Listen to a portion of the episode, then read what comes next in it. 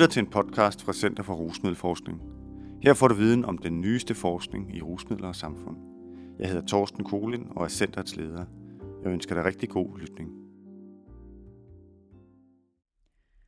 Opdagelsen af medicinsk cannabis af Sheila Jones. Hvis lægemidlernes historie skulle inddeles i epoker, der hver var bestemt af opdagelsen af et middel med gennembrydende effekt, ville perioden, hvor indisk kamp indføres som medicin, være berettiget til at blive betragtet som en ny æra, skriver Donovan i 1845. Historien om medicinsk cannabis er et udmærket eksempel på, at den, der glemmer historien, er dømt til at gentage den, i det mange af de opdagelser, vi i dag gør om stoffets effekt over for forskellige lidelser, har været beskrevet tidligere. Cannabis som medicin er et følsomt emne, der debatteres meget i medierne. For samtidig med, at medicinsk forskning finder flere og flere positive effekter ved cannabis, er de fleste læger tilbageholdende med at udskrive det, da Sundhedsstyrelsen endnu ikke har godkendt cannabis som lægemiddel. Det er derfor spændende at læse om den vestlige verdens opdagelse af cannabisplantens medicinske potentiale i 1800-tallet. Der var dengang en anden åbenhed over for at tale om planten og dens effekter, og en i et nutidigt perspektiv nærmest naiv tilgang til at eksperimentere med stoffet på sine kæledyr, på sig selv og på sine patienter.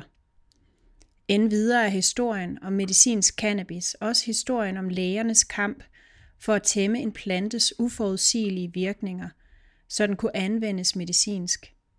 Så selvom tidsånden var anderledes, havde arbejdet med at gøre cannabis til medicin i 1800-tallet mange lighedspunkter med nutidens diskussioner i forhold til at afprøve cannabis over for en række sygdomme. Opdagelsen Cannabisplanten har været kendt i mange tusinde år. Arkeologiske fund viser, at planten har været anvendt fra stenalderen og op igennem historien i adskillige kulturer rundt om i verden. Denne artikel tager afsæt i den vestlige verdens opdagelse af cannabisplantens medicinske potentiale i midten af 1800-tallet og beskriver de efterfølgende 100 års anstrengelser for at gøre cannabis til et lægemiddel med veldokumenterede og forudsigelige effekter. Før opdagelsen af den psykoaktive egenskaber blev planten, dengang kendt som cannabis sativa, i den vestlige del af verden dyrket primært for at udnytte dens fibre til tovværk og ladestof. Dette ændrede sig i 1839, da William Brooke O'Shaughnessy, der var udstationeret læge i den bengalske hær i Indien og professor i kemi ved Calcuttas Medicinske Universitet, udgav artiklen om præparater af indisk kamp eller gunjar. O'Shaughnessy havde observeret, at den indiske befolkning anvendte udtræk af cannabisplanten til rekreativ og medicinsk brug og blev interesseret i plantens medicinske egenskaber. Han testede derfor stoffet på forskellige dyr, før han forsøgsmæssigt afprøvede effekten på patienter med forskellige lidelser. Stivkrampe, rabies, gigt med flere. De fleste patienter oplevede en bedring, og flere var i stand til at forlade hospitalet helbredt eller med langt færre gener, end de var blevet indlagt med. Dog beskriver han også håbløse cases, som for eksempel en rabies-patient, der opnåede en bedring i sin tilstand, men som alligevel døde af sygdommen kort efter at være blevet indlagt.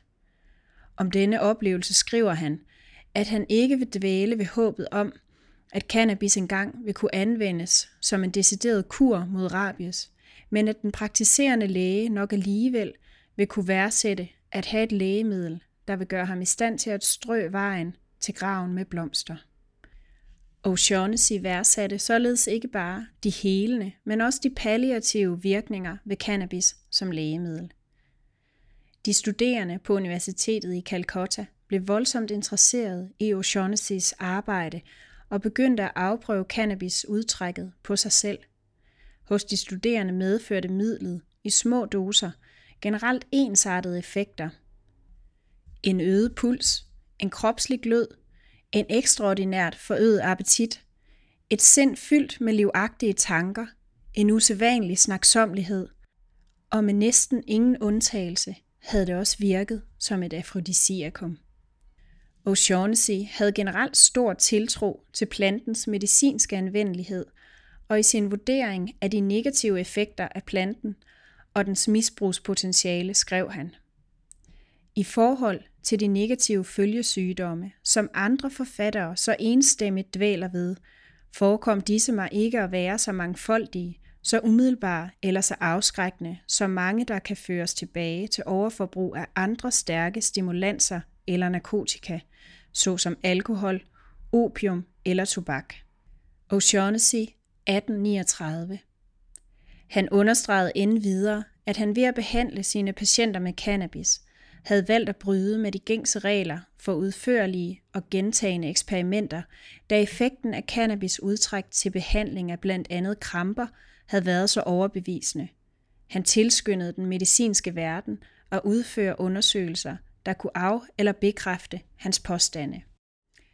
Nyheden om et præparat, der kunne anvendes mod eksempelvis stivkrampe og nervesmerter, vagte stor interesse, da datidens medicinske behandlingsmuligheder var begrænsede. Opium var det eneste virkningsfulde middel mod smerter og blev også brugt mod kramper med varierende succes.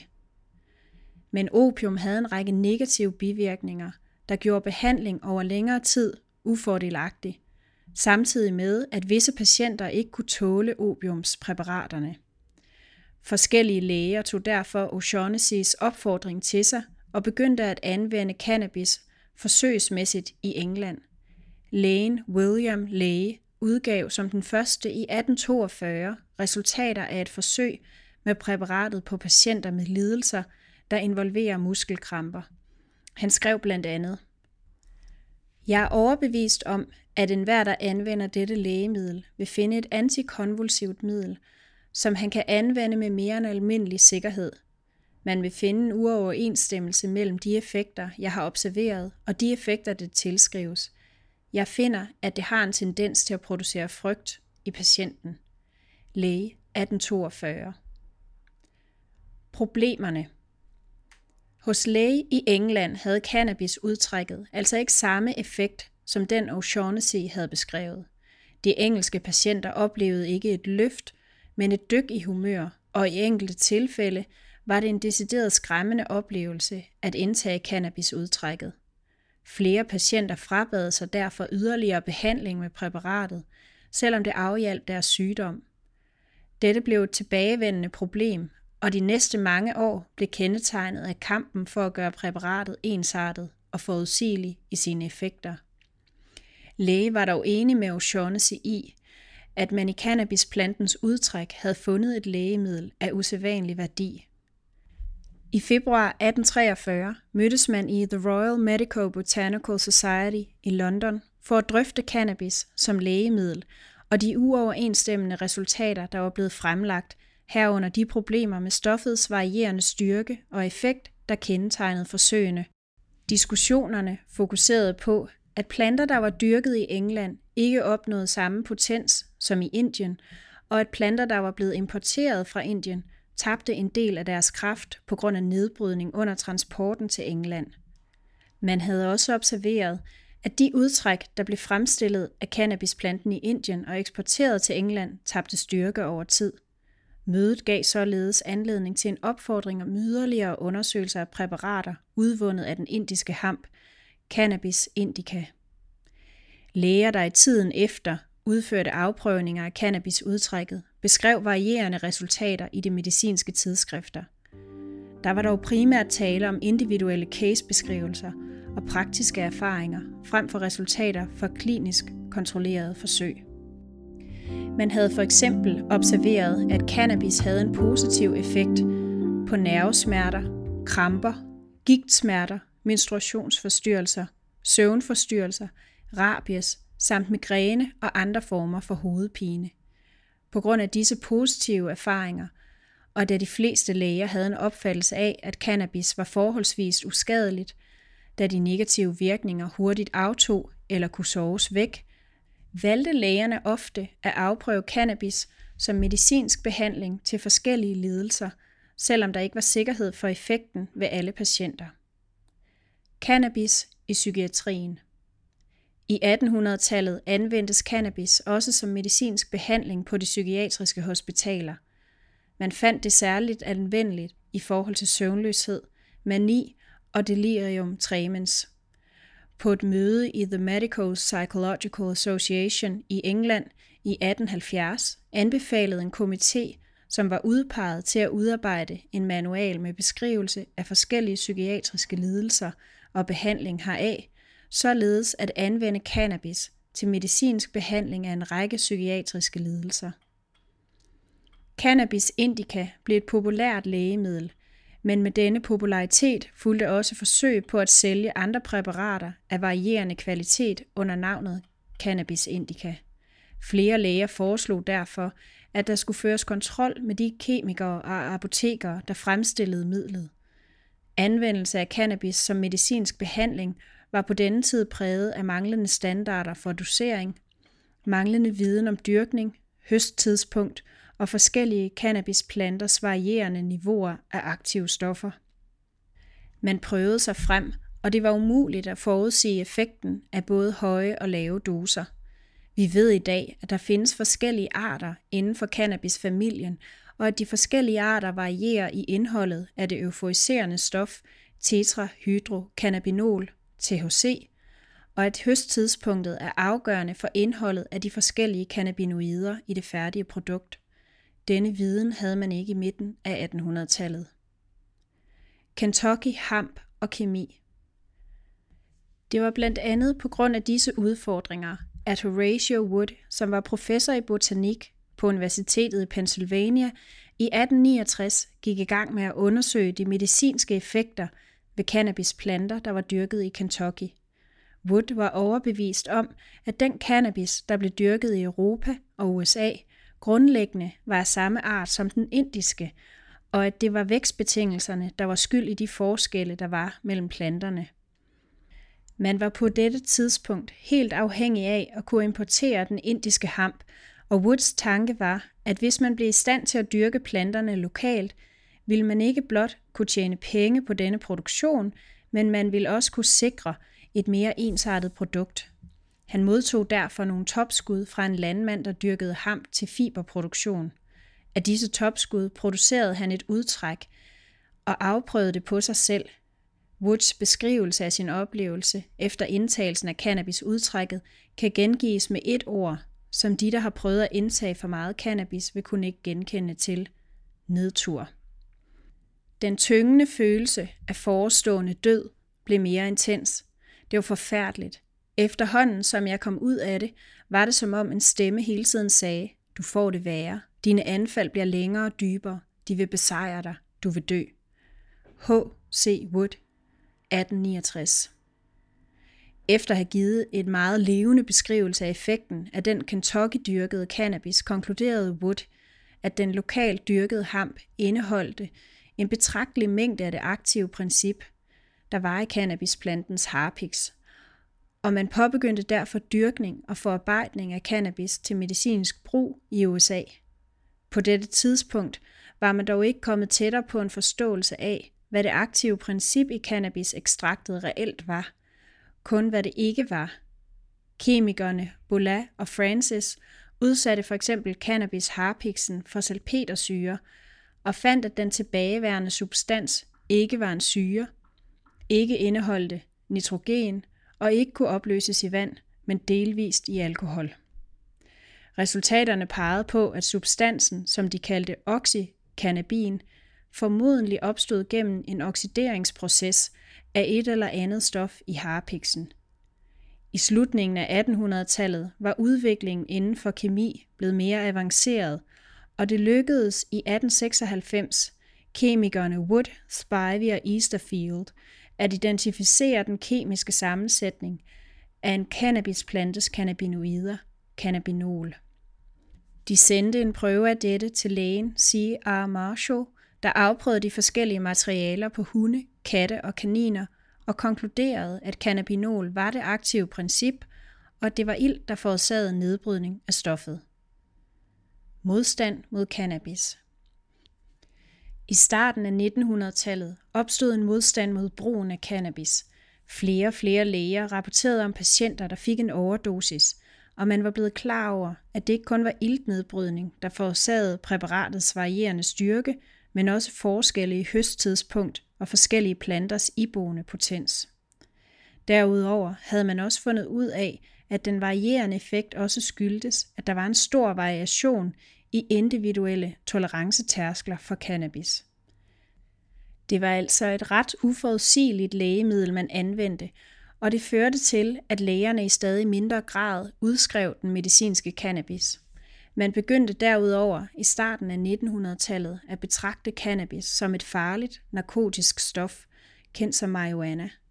Brugen af marihuana spredte sig fra sydstaterne op igennem USA, og der startede, hvad flere forskere efterfølgende har betegnet som en skræmmekampagne i 1930'ernes USA, om skæbnesvanger følger af marihuana-misbrug, for eksempel at brugen af marihuana førte til sindssygdom og kriminalitet.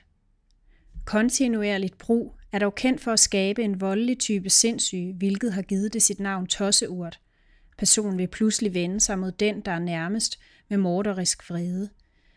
Han vil gå amok med kniv, økse, pistol eller hvad som helst, der er ved hånden, og vil dræbe eller lemlæste ham uden grund.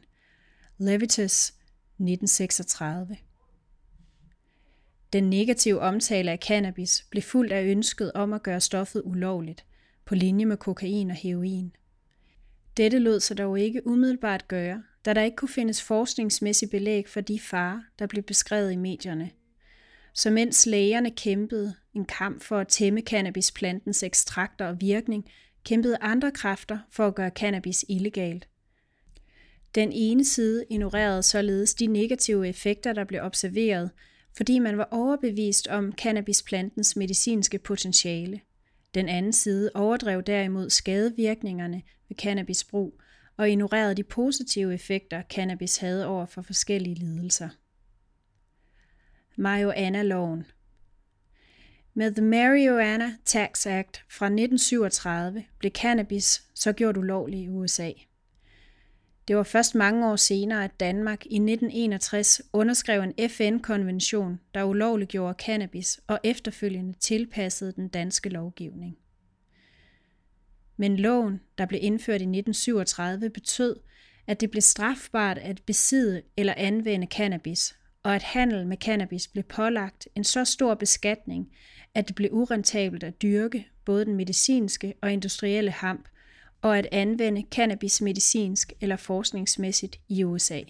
Flere læger og forskere var kritiske over for loven, og The American Medical Association skrev i maj 1937, at den øgede beskatning af medicinsk cannabis var aldeles uberettiget, da afhængighed af marihuana ikke kunne knyttes til den medicinske brug af cannabis, og at loven ville betyde, at de få patienter, der blev behandlet med cannabis, ville skulle betale for en føderal indsats, der var rettet mod at nedbringe et illegalt forbrug af marihuana. Walter Bromberg, der var overlæge på det psykiatriske hospital Bellevue, fremlagde på baggrund af en undersøgelse af psykiatriske indlæggelser og kriminalsagsakter, der involverede cannabis, evidens for, at der ikke var en øget risiko for udvikling af psykoser som følge af brug. Han skrev, at det var en grundlæggende personlighed hos brugeren, der var den primære faktor i udviklingen af en psykose efter indtagelse af cannabis, og ikke stoffet i sig selv. Derudover fandt han, at brug af marihuana ikke havde øget kriminalitet hos den enkelte, og at der ikke havde været begået mor eller seksuelle overgreb som følge af indtagelse af marihuana. Loven blev indført, men man godkendte dog, at The Narcotics Laboratory, som hørte under The Bureau of Narcotics, der var ansvarlig for håndhævelsen af marihuana-loven, kunne dyrke en vis mængde cannabis med det formål at kunne identificere og teste de planter, der måtte blive konfiskeret. Efter at have dyrket og høstet 400 kilo topskud, valgte man dog at udvide formålet og stillede planter til rådighed for en række forskere. Syntetisk cannabis Dette arbejde førte til, at man i 1940 var i stand til at identificere tetrahydrocannabinol, THC, som værende det aktive princip bag cannabisplantens euforiserende virkning. Efter således at have fundet den kemiske formel for THC, udviklede man et syntetisk præparat, der fik navnet Synexyl, og afprøvede dets virkning på blandt andet indsatte i et amerikansk fængsel, og fandt indtil flere medicinske anvendelsesmuligheder med dette nye lægemiddel. Man ulovliggjorde således i slutningen af 1930'erne anvendelsen af cannabis, lagde en markant beskatning på medicinsk og forskningsmæssig anvendelse af cannabis, og gik væk fra at forsøge at udvikle et stabilt plantebaseret medicinsk præparat, for i stedet at forske i syntetiske cannabinoiders effekt og medicinske potentiale. Det paradoxale er, at de samme personer, der demoniserede cannabis og arbejdede for en kriminalisering af cannabis, også var involveret i udviklingen af et syntetisk lægemiddel, der imiterede cannabisplantens psykoaktive effekt. Konklusion Historien om opdagelsen af medicinsk cannabis har en relevans i dag. Det er en historie, der blev glemt efter man indledte kampen mod narko, ligesom lægernes arbejde med at gøre den medicinske cannabis stabil og forudsigelig i sine effekter blev afsluttet, da man indførte marihuana-loven i 1937. For selvom flere lande, særligt Israel, efterfølgende har forsket i medicinsk cannabis, betød loven reelt, at der opstod en meget lang pause i den forskningsmæssige interesse i cannabisplantens medicinske potentiale. Da man anvendte den medicinske cannabis op igennem 1800-tallet, var videnskaben ikke avanceret nok til at kunne forklare den usikkerhed, der prægede plantens virkning, og man vidste ikke nok om den til at forstå den uforudsigelighed, der prægede brugen af den. Da man endelig fik identificeret det aktive princip i planten, udgjorde forbud og beskatningen en forhindring i forhold til at udvikle stabile medicinske cannabispræparater og forske i deres effekt over for forskellige sygdomme og psykiatriske lidelser. Cannabisplanten har mange anvendelsesmuligheder ud over medicinsk, som man også kendte til i 1930'erne. Den kan for eksempel anvendes til fremstilling af plastik, brændstof og papir med langt færre miljømæssige konsekvenser end konventionel fremstilling af disse produkter. Medicinsk viser cannabis også potentiale i forhold til blandt andet kræftbehandling, epilepsi, migræne og smerter. Det er svært at vide, hvor langt vi ville være nået forskningsmæssigt i forhold til medicinsk brug af cannabis, eller hvordan verden ville have set ud med et cannabisbaseret alternativ til for eksempel plastik, havde man ikke dengang i 1937 sat en bremse for all things cannabis.